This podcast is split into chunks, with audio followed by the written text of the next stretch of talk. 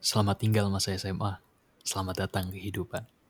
Saatnya melewati transisi yang tak dapat diakusisi. Karena kita semua berbeda misi.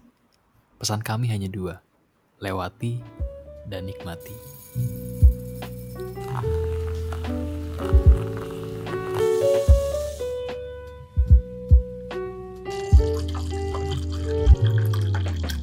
Selamat datang di episode kedua Zona Inspirasi. Bareng gua dan Gary dengan judul yang agak absurd nih kali ini episode 2 nih. Gagal terus? Well, atau gagal terus? Hmm. Halo halo dan mungkin hari ini kita bakal cerita-cerita tentang the most anxious days of our lives Iya. sejauh ini ya. Most anxious, Apa man. That's true. Kita kan ah, episode 1, episode 2 kita udah bahas dari mikirin tentang kuliah sebagai anak SMA, the perspective of it.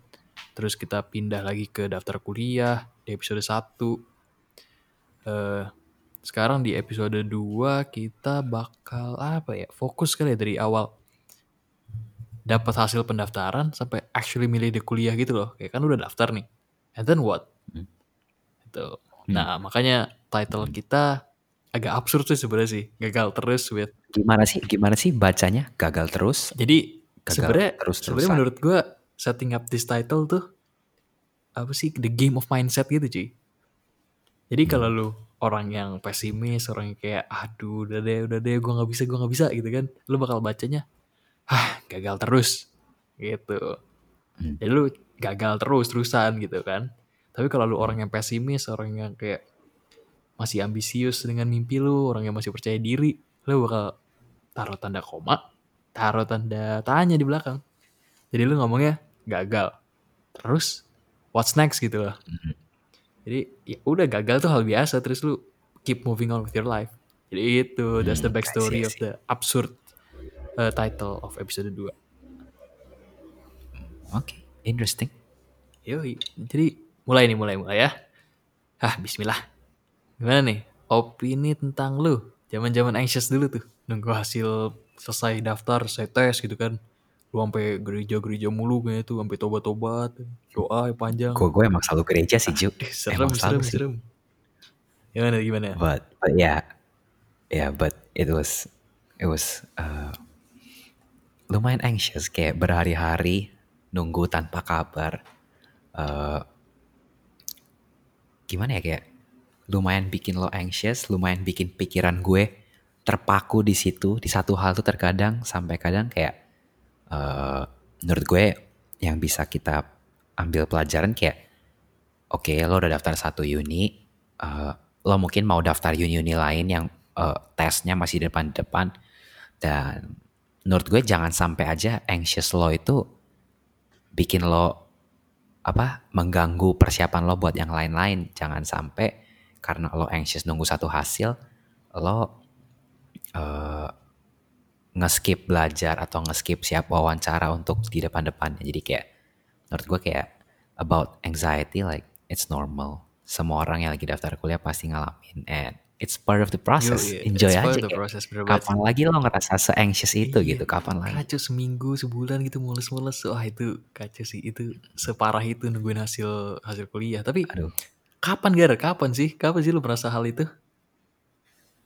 Gua waktu itu ngerasa anxious pas daftar buat FKUI KKI ya kayak itu mixed feeling sih kayak gua capek habis ujian banyak SBMPTN gagal Eh, ujian A level ya bagus tapi eh, gue nggak keterima di semua kedokteran.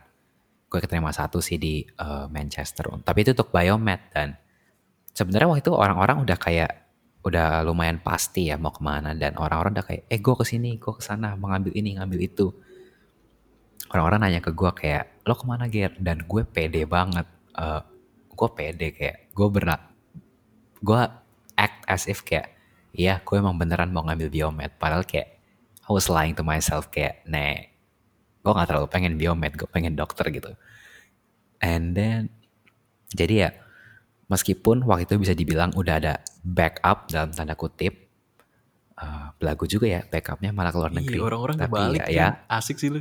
Sabi, sabi. eh udah ada udah ada backup gitu tapi uh, deep down I know gue maunya kedokteran dan nunggu hasil apa namanya FKUI KKIO itu the anxiety is real. Gue gua gua tahu banget sih KKI itu dulu apa ya last resort kalau nggak salah buat FKUI kan ya. Last, last resort. resort. Last resort. Gue kayak di episode sebelumnya kan kita udah cerita juga kayak gue juga masukin KKI as one of my one of my options which akhirnya nggak nggak kesampaian juga kan nggak nggak jadi gitu. Dan mm-hmm. yang lebih parah adalah gue mulusnya lebih lama cuy. Gara-gara oh, iya. Imperial tuh bahkan lebih lama daripada daripada pengumuman KKI. Kayak selama itu dan mm.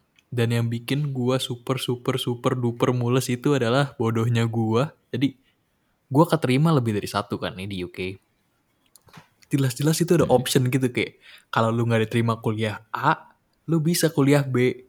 Tapi kalau lu nggak diterima kuliah A, lu harus banget masuk kuliah B dan gue dengan sangat arogan gitu kan gue udah pasti nih masuk kuliah A gue nggak perlu kuliah B gue tolak bro ini sisa-sisanya gue tolak cuy jadi gue cuma punya satu ini... pilihan tuh persis banget cuan SMA guys kayak nggak pernah berubah oh, gue ya. gue kalau sekarang mikir gitu kan flashback gue mikir apa kayak kalau gue gagal A ya udah gitu B gampang hidup gue nggak perlu mulus-mulus kayak sekarang kayak waktu itu gitu kan Kira apa sih? Gue, gue gak ngerti sumpah.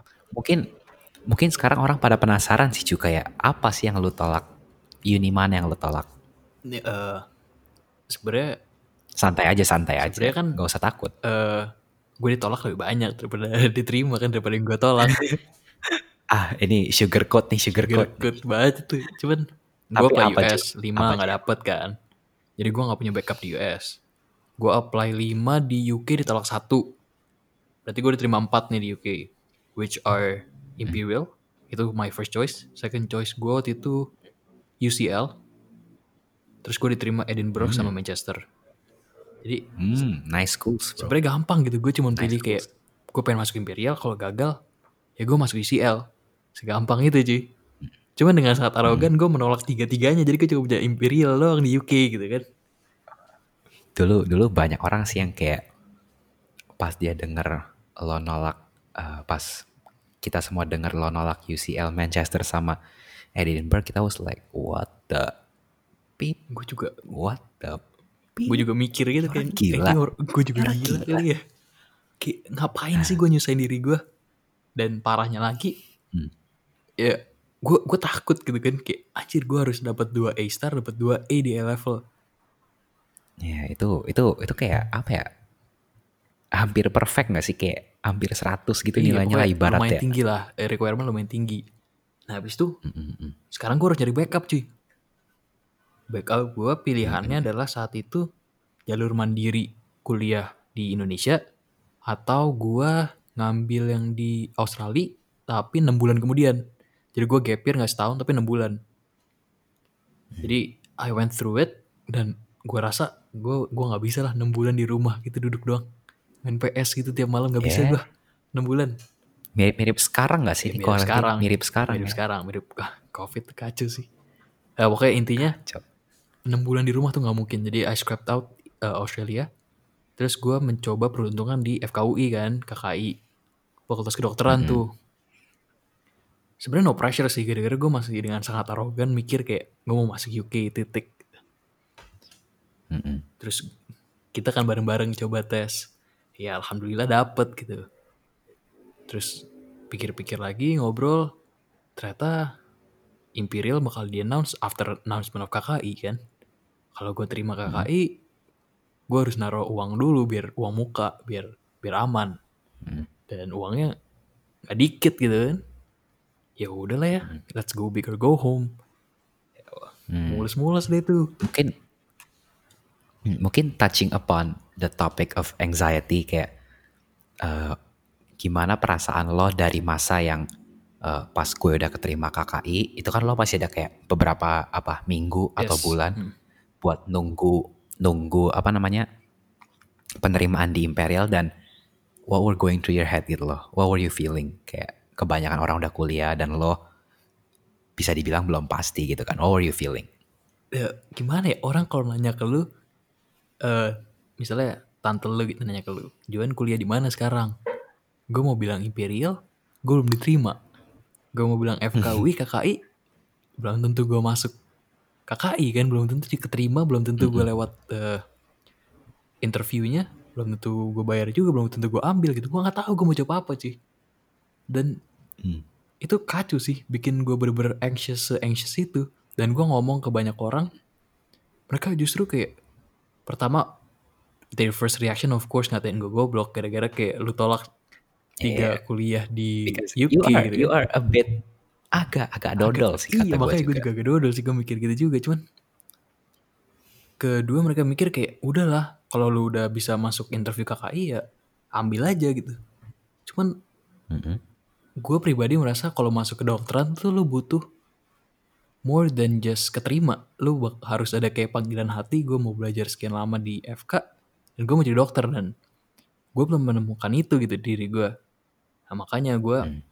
sebenarnya I took that pressure buat nge-push gue buat belajar lagi di A level biar hasil sesuai gitu dan Hmm. mungkin yang sedikit relief pas A level alhamdulillah lancar gitu kan jadi kayak Alhamdulillah. ya semoga lah semoga gitu dak tidur dak tidur dak tidur akhirnya ya Hmm. setelah sekian lama nunggu tanpa ada backup terima juga ngomongin ngomongin relief sih kalau gue bilang relief terbesar gue tuh pas gue ditelepon dapat wawancara gue girang at the time gue lagi makan sama my girlfriend now my ex. Waduh. Well, skip skip and then uh, gue telepon lo juga gue tanya kayak eh gue dapet interview lo, lo dapet nggak? Dan lo dapet kan? Dan gue kayak oh shit masih ada kompetisi nih kayak. Dan dari desas-desus tentang kuliah di Indo ya kita tahu kalau misalnya anak-anak sekolah SMA swasta pasti untuk masuk PTN akan dikotain banget kan dan gue udah kayak waduh ini ini bau-baunya kalau Juan lanjut interview eh pasti gue gue kalah sih. Nah terus kayak terlalu selang dua hari tiga gitu. hari. Selang dua hari tiga hari gue tanya lagi ke lo kan ya gimana? Eh, interview nggak? Terus waktu itu lo bilang enggak kan. Dan gue kayak gue ngomong ke lo kayak oh ya sayang sih. Tapi gue dalam hati udah kayak Ya, bang, Yes. emang orang kayak gini Yes. tuh gue bingung gue masih temenan sama lu bikin podcast sih tapi ya ya funny story man. Ya pelajaran hidup. Nah. ya pokoknya buat kalian lagi daftar lah jangan lah jangan jangan bego-bego banget gitu jadi orang. Kalau udah ada backup ya jadiin backup. Jangan backup lu buang-buang aja. Eh true, lanjut lanjut lanjut. Kan udah nih gue nih gue cerita tentang gak diterima sana gak diterima sini bodohnya gue nolak banyak gitu kan Iya. kalau lu gar lanjut lanjut sih. lu apa lagi yang mau lu ceritain ada apa dengan Gary dengan daftar kuliah Ya, maksudnya I think gue juga one of those many people yang identik dengan kegagalan anjay. Iyalah, I think I am. I think kayak gue rasa eh, untuk lo bisa merasakan senang atau sukses as you define it yourself, kayak lo harus merasain gagal gitu, lo harus merasain kalah untuk appreciate ketika lo nanti eh, berhasil. Dan waktu itu mungkin kalau tentang gue ya, gue gagal daftar kuliah kedokteran di luar eh, yang kedokteran di UK gue daftar 4 ditolak mentah-mentah mereka nggak bahkan nggak mempertimbangin buat wawancara gue and like that was sad but it's fine gue rada expect sih kayak persiapan gue kurang banget Eh, terus di Indo waktu itu gue daftar FKUI FK Udayana Eh, itu dua lewat SBMPTN juga ketolak Eh, Terus satu lagi gue daftar di Atmajaya juga oh itu ketolak. Ya gue bete sih waktu itu kayak ini maksudnya gimana ya kayak kalau gue di eh, di FK-FK lain aja nggak dapet gimana kalau gue mau daftar ke FK yang top kan. Tentu aja kayak gue juga merasa anxious kayak di situlah menurut gue anxiety-nya. But ya at the end of the day uh, it just comes to like dari kegagalan-kegagalan kegagalan-kegagalan lo lo bisa ambil pelajaran apa dari masing-masing itu untuk uh, perbaikin ke depannya. I think begitu sih tentang kegagalan-kegagalan gue. Iya sih, emang Eh. emang harus buat sih orang gagal ngerasain gagal. Lu nggak bisa kayak daftar kuliah A langsung lancar tanpa ada bumps along the road tuh nggak bisa banget menurut gua. Dan kalaupun Pasti bisa, ada aja. lu miss something yang kayak something that will shape you as a as a person gitu. True. Tapi true. Bener-bener. ini ngomongin ngomongin accept failures nih. Abis lu accept, lu bounce back-nya gimana cuy? Lu udah ditolak SBM, ditolak sana, ditolak sini. Motivasi lu apa buat coba KKI? Kan orang-orang biasanya kalau ditolak A, ditolak B, SBM gagal, aduh udah deh gapir deh gue gapir atau ambil D3 gitu kan. Apa yang di otak lu waktu itu kan? Apa ya? Oke. Eh, mungkin untuk gue motivasi nyoba terus, to put it simply ya gue belum puas. Kayak gue belum puas kalau gue eh, akan ngambil yang biomedicine di Manchester karena kayak deep down gue tahu gue pengennya kedokteran. eh kayak itu motivation tapi kayak I think I think I think society today itu kayak we tend to hide behind motivation kayak kita selalu bilang kayak eh, oh gue nggak mau belajar I don't have the motivation kayak menurut gue itu nggak nggak satu arah it's not a one way trip kayak menurut gue eh, with action comes motivation kayak ya simpel aja misalnya lo belajar gue belajar ya karena gue tahu kalau misal gue gak belajar gue akan most likely gagal dan that fear itu yang sebenarnya drive gue untuk belajar. Menarik nih, menarik. Menurut gue motivasi datang nanti sih kayak jangan hide behind motivation untuk justify kalau lo mager. Ini gitu. menarik nih, Menurut karena- gue gitu sih. Gue 180 derajat lawan lu nih Gary. Gue adalah tipikal orang yang Iya jelas. gue punya ambisi, gue jadiin motivasi, terus gue jadiin aksi. Nah ini menarik Iya. nih menarik. Sistematis banget. Yuk cuy, emang lu harus punya mimpi kalau gue tuh. Kalau gue nggak punya kayak gue nggak pengen mau mau takut apa pun gitu, fail apa apa. Kalau gue nggak pengen ya udah. Gimana dong nggak ada? Tapi bener sih Ju. Bener sih Ju, kayak waktu itu gue inget waktu itu gue pernah minjem catatan kimia lo. Eh, dan dari semua buku kimia anak-anak lain yang gue pernah pinjem, cuman buku lo yang bener-bener tiap pertanyaan-pertanyaan perintilan itu yang diisi. Dan kayak dari itu gue tau kayak oh ini orang emang emang hard worker. Nah, Mungkin kayak I want ask kayak apa puji sih gue drive terus lo? puji gue terus jadi cewek gue lu lama-lama lu. Apa sih drive lo tujuh buat sekonsisten itu? Ya ini nih, ini menarik nih ngomongin konsisten. Jadi jelas-jelas gue punya motivasi gitu kan, gue pengen kuliah di Imperial College London gitu. That's not easy, makanya gue mulai ke aksi. Aksi gue apa? I set up a study group gitu kan. Gue belajar, gue consult with teachers and everything. Gue uh, gue sacrifice time with uh, friends. Jarang banget tuh gue 12 keluar jalan-jalan. Pasti spend time belajar gitu kan emang that's the sacrifice you need to make gitu kan habis aksi sacrifice habis sacrifice itu tuh nggak cukup gitu gue yakin harus lu lu tuh as a person buat uh, actually achieve your goals lu perlu support support dari apa support dari your friends support dari uh, family gitu-gitu. Biar biar lu bisa develop that consistency. Bayangin lu udah belajar segala macam terus temen lu kayak ah lu mah cupu lu cupu lu ayolah main lah main main gitu kan. Ya konsistensi lu hilang. Lu bakal belajar bakal ng- ngelakuin aksi kalau lu lagi kepikiran tentang goal lu tadi. Tapi kalau lu surround yourself with the support that you need kayak kita gua rasa kita sih uh, surround ourselves with people with the same ambitions gitu kan maka motivasi itu nggak bakal hilang. Jadi aksi lu juga nggak bakal hilang. At the end of the day goal lu ya getting closer and closer. Jadi gue rasa itu sih to achieve consistency you need hard work and support. Itu sama kayak apa ya klise di Indo kerja keras nggak cukup perlu doa lah. Ah, ada yang lebih cocok ya gue nih. Kal, if you wanna go fast, go alone. If you wanna go far, go together. Itu dong, Ju. sabi banget lu Gimana google dulu ya curang Tapi I can vouch for that kayak eh, di SMA dulu tuh gue tipe-tipe orang yang kayak cukup menata hidup kayak kalau mau ujian gue sebisa mungkin jam 11 12 udah tidur.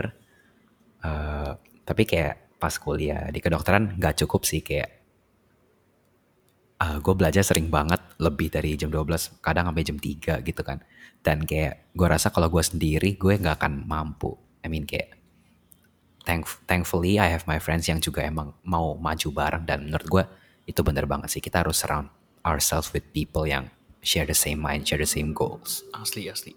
Nah tapi mungkin one tip dari gue justru eh gara-gara gue kuliah abroad gitu kan eh gue rasa support gue rasa support support yang gue receive as an individual itu bakal berkurang gitu. It actually decreases semakin maju gue gitu semakin ke depan gue jalan. Jadi di SMA gue punya teman-teman gue kayak super study bareng terus lama-lama pas gue masuk my undergraduate studies tiba-tiba semuanya udah jalan masing-masing gitu kan.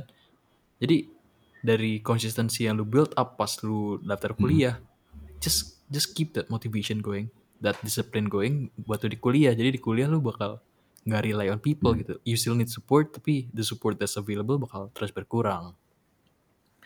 Ah panjang ngomong ya. Seret nih seret.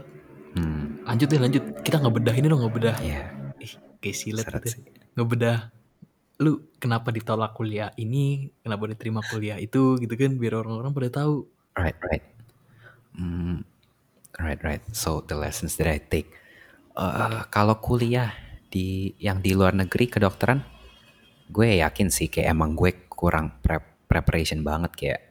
uh, jadi ketika ketolak di kedokteran 44 itu kayak ya gue nggak terlalu meng menyalahkan diri gue kayak ya gue menyalahkan diri gue sih karena gue kurang prep tapi kayak again kayak gue bilang ke diri gue sih gue bilang ke diri gue kayak ya lu bego sih kagak mikir dari dulu kan Eh but then ya udah I take it as a lesson kayak oke selanjutnya gue akan lebih prepared.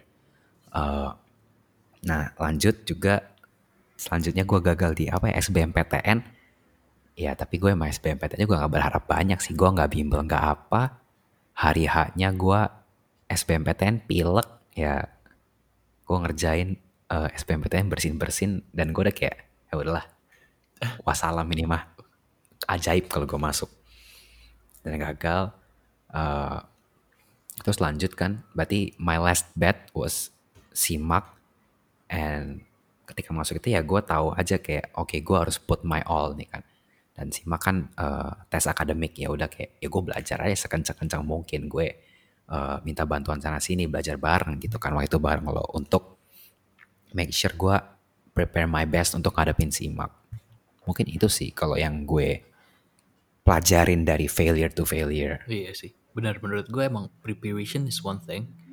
Eh, gara-gara kalau lu lu tanya ke gue kenapa gue ditolak di US, mungkin well gue nggak tahu kenapa exactly, cuman gue gagal bukan di akademiknya, tapi gue gagal di administrasi. Lebih karena gue nggak pengen banget cuy kuliah di US tuh. Nggak tahu kenapa, cuman I don't think like I suit my kayak I don't see me suiting myself in US. Jadi I don't give my everything in the application. Kira-kira Hmm, menurut gue kuliah tuh pertama lo harus dulu administrasi terus baru lulus akademik kan kalau lu nggak pengen itu kelihatan banget di cara lu nulis your essay cara lu di interview gitu kan Mm-mm. gara-gara gue emang nggak pengen banget gue rasa dari situ kelihatan sih motivasi buat gue masuk US tuh hampir nggak ada makanya mungkin gagal di lima kuliah US terus Hmm. preparation juga kurang di eh, Singapura gara-gara gue terlalu fokus ke satu jalur gitu. Sebenarnya ada jalur yang lebih mudah tapi lebih demanding which is lu lebih mungkin keterima di situ. Jadi daripada gue eh, telat sebulan mendingan gue ngambil itu sebenarnya kalau gue pengen banget nih masuk ke Singapura. Cuman again mindset gue adalah gue Lo gak pengen ngerasa banget di gitu. situ. Iya gue gak ngerasa I belong there. Nah makanya pas eh, hasil dari UK keluar, I put all my mind and effort di situ gitu loh. Kayak gue nggak peduli lagi tentang apa-apa. Yang penting gue belajar buat A level gue harus dapet gitu sih. Jadi start from Hmm. preparation, terus your action really matters. Yeah, I guess so. It kan, does gitu. matter. Udah ngedissect nih lah. Kenapa ditolak, kenapa diterima. Eh terima belum nih, terima belum. Kira-kira lu kenapa diterima KKI? Eh, gue bisa sih poci-poci kayak oh hard work Eh, gue interview bagus tapi mungkin at the end of the day comes down ada satu orang dari binus dari SMA kita yang memutuskan untuk nggak lanjut interview sih. Kan? Terus ya lu, Jadi, jilat gue gue harus terus. berterima kasih sama itu orang. Gak lah gak lah. Tapi kayak eh, oke. Kalau gue boleh jujur aja nih kayak simak gue juga gue rasa nggak nggak begitu ba- bagus kayak. Tapi waktu itu kan gue dikasih tahu kalau di simak tuh kriteria penilaian kayak kalau bener dapat poin plus kalau salah minus. Dan yang gue pikirin kayak ya udah daripada gue melakukan kesalahan bego dan ngilangin poin mendingan gue pastiin aja yang yang gue tahu pasti. Dan wah itu bahkan gue inget gue kur mungkin yang gue jawab kurang dari setengah kali tapi kayak itu yang benar-benar gue pede. Nah tapi kayak after that comes the interview and gue merasa kayak oke okay, di interview nih uh, ini something yang gue kind of used to yang gue pernah lewatin and I have a picture of how to uh, handle an interview nah jadi I kind of play to my strengths kayak ya gue nggak ngeremehin, gue tetap baca-baca buku tentang cara ngelewat interviewnya, nonton YouTube atau apa banyak banget kok materi yang bisa kalian ambil dari internet gratis itu. Jadi kayak ya selalu gue persiapin aja yang terbaik. And at the end of the day keterima deh. Maybe maybe it's because gue put in the extra effort buat interview, maybe karena lo decide untuk gak interview maybe maybe I iya don't know, sih maybe. tapi menurut gue nih kan gue KKI juga kan mungkin one thing that I can say lu butuh strategi cuy buat ngelewatin tes KKI itself kayak yang lu, yang lu bilang gitu kan lu bakal dapet plus atau minus dari satu pertanyaan nah kalau lu nggak ngerjain lu lewatin ya nggak dapet apa-apa gitu kan gue rasa gue tahu kekuatan gue dalam materi-materi yang diuji di mana dan gue tahu kekurangan gue di mana jadi gue fokus aja jawab yang yang gue tahu gitu. Mm-mm, Kayak- main aman. iya buat masuk KKI gue rasa uh, sciencesnya is doable tapi mathnya susah banget kacau ya gak sih? Jadi Gue cuma jawab dikit oke. iya waktu itu gue juga gak jawab lima- 50% lah gue jawab kira-kira. Jadi gue fokus ke fisika kimia yang gue bisa gue nggak bisa bio dan math gitu jadi ya daripada gue gamble ganggang hijau buat apa ya gue skip aja sih buat apa gue tau ganggang hijau buat apa? Yoi kan? Ya, tapi ya. eh, Yoi. kalau lu tanya kenapa gue diterima gitu di Imperial jadi gue daftar administrasi gitu gue lewat. Terus gue di interview which is a big bonus for me gara-gara di interviewnya pertama lu di lu dikasih pertanyaan gitu loh. Pertanyaan tiba-tiba profesornya keluar keluarin pertanyaan gitu yang gue bingung. Gue disuruh ngerjain diferensial pakai kimia kimia nggak jelas. Untung gue bisa gitu kan gue gue gue udah prepare gitu. Untung, untung. gue nonton YouTube waktu itu gue inget orang ditolak Imperial gara-gara dia nggak bisa jawab. Jadi gue kayak ah gue harus belajar. Nah itu resources number one. Terus gue pakai pengalaman gue pernah ikut. Jadi gue dulu pernah kayak ikut apa sih forum-forum gitulah di kuliah itu. Jadi gue punya pengalaman dikit tentang tentang kuliah itu. Jadi gue I use that to my leverage gitu. And then comes A level yang kayak gue bilang. Lu udah ngelewatin dua tahap tahap terakhir give your everything give your effort. Kalau lu kayak ah gue udah terima nih udah dapat offer cuma butuh dua A star doang gue bisa pasti. Terus nggak belajar ya nggak guna lah buat apa lu capek-capek nyiapin buat interview administrasi.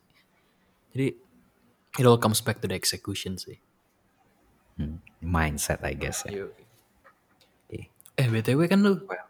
Diterima Manchester sama KKI tuh di ujung-ujung kan Iya. lu apa sih di otak lu apa kayak selain lu pengen jadi dokter lu masuk FKUI gitu kayak pertimbangan lu apa aja sih kenapa lu milih kakak eh, FKUI dibanding Manchester Well, well true. Uh, itu decision sulit banget. Enggak sih. Enggak sih, enggak. gimana sih lu Enggak lah, enggak. Sulit-sulit. Kayak uh, gue dari dulu punya keinginan buat kuliah di luar. uh, tapi gue yakin gue pengennya jadi dokter.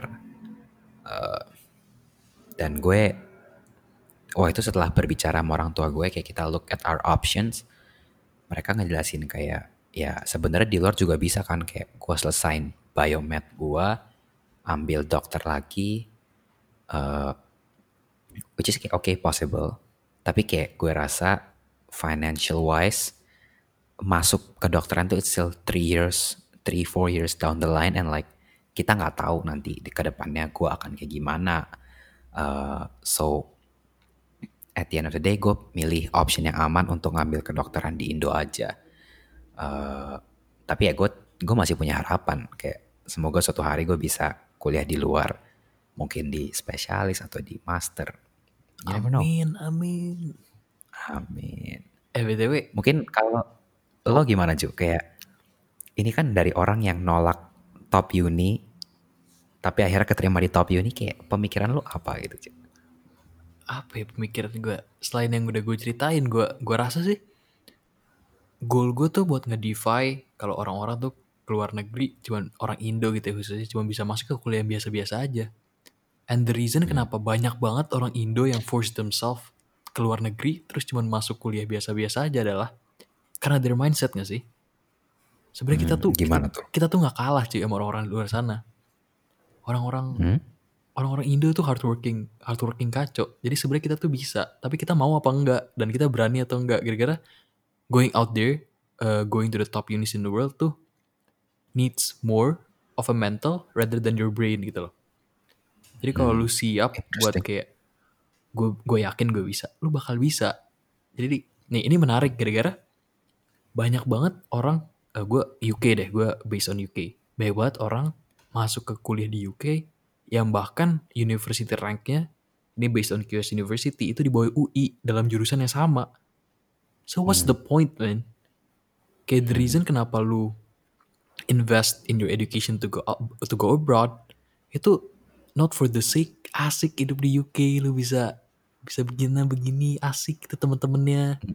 Gak gitu gara-gara lu pengen a better education yang gak di, yang gak bisa di yang gak bisa ditawarin di Indo gitu kan. Lu pengen you wanna build networks tapi lu juga pengen dapat ilmu yang yang di sini cannot offer in terms of teknologi atau in terms of the professors gitu kan. Jadi pikirin lagi deh kenapa lu mau kalau lu mau abroad nih kenapa lu mau abroad ke university yang bahkan di bawah kuliah-kuliah di Indo lu itu harus dipikirin lagi That's right. Iya kan I tapi think banyak orang yang kayak milih untuk keluar karena banyak temannya keluar atau Yes. vice versa. And if if we if I gotta say a word of uh, my opinion ya kayak I think again lo yang bakal ngelewatin 3 4 tahun di uni the choice should be made by you yes I guess. Peer pressure gue rasa nggak boleh sih masuk dari salah satu pertimbangan buat masuk kuliah. Jangan gara-gara temen your best friend masuk ke kuliah A, lu harus masuk kuliah A. Karena I don't think that would be a good choice. Eh mungkin apa ya kita ngomongin last day last nih kayaknya udah lama nih orang udah males kayak bibir kita juga udah mulai kering nih. Eh let's Haus, talk haus. let's talk about gap year as our last topic. What do you think of gap year, cuy? well gap year ya Eh, jujur gue selalu fancy orang yang gap year fancy orang yang Lu fancy kayak- orang yang gap year.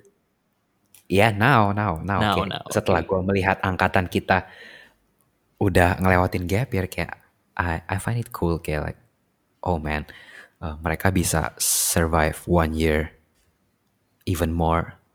Kayak apa ya? Bisa, bukan survive juga sih kayak. Mereka bisa uh, mengarahkan hidup mereka tanpa structure gitu kan. Karena kayak kalau lu kuliah kan, your life is kind of structured kan. Lu harus ikut kelas atau apa ya be- bebas bolos sih tapi kan at least there are some sense of structure lo harus exam kapan kan but in gap year kayak lo tuh the only person yang ngatur lo mau ngapainnya selama setahun itu dan the thought of that uh, seems exciting tapi kalau buat gue pribadi itu juga scares me karena gue rasa kayak tanpa structure gue bisa rebahan doang kali setahun Iya sih, asli. Tapi kalau lu tanya gue, gue bakal jawab dulu ya kalau lu tanya gue dulu nih sebelum gue ngobrol ke orang-orang banyak. Gue bakal nanya kayak ngapain lu ngabisin duit lu, ngabisin hidup lu buat gak guna setahun. Terus tapi lu kalau tanya gue sekarang, gue rasa kalau lu emang persevere buat ngabisin setahun itu buat for a good cause, then do it. Kayak gap year is not a bad thing. Tapi gue rasa eh buat gap year again gue setuju sama lu. Kayak lu you need more to take responsibility more of yourself. Karena kayak lu bilang gitu no structure. Cuman eh, another way to look at it is gue rasa everything is about learning. Lu tuh nggak harus belajar di kuliah dan kalau lu bisa belajar di dunia yang asli during your gap year then why not? Lu bisa kayak kayak semoga aja mungkin bisa jadi salah satu narasumber kita yang yang jalan-jalan abroad yang jalan-jalan keliling Indo gitu kan buat belajar new stuff. Ada juga yang kerja gitu. Jadi mereka udah ngerasain mereka udah nyemplung ke dunia asli duluan daripada kita yang kuliah gitu.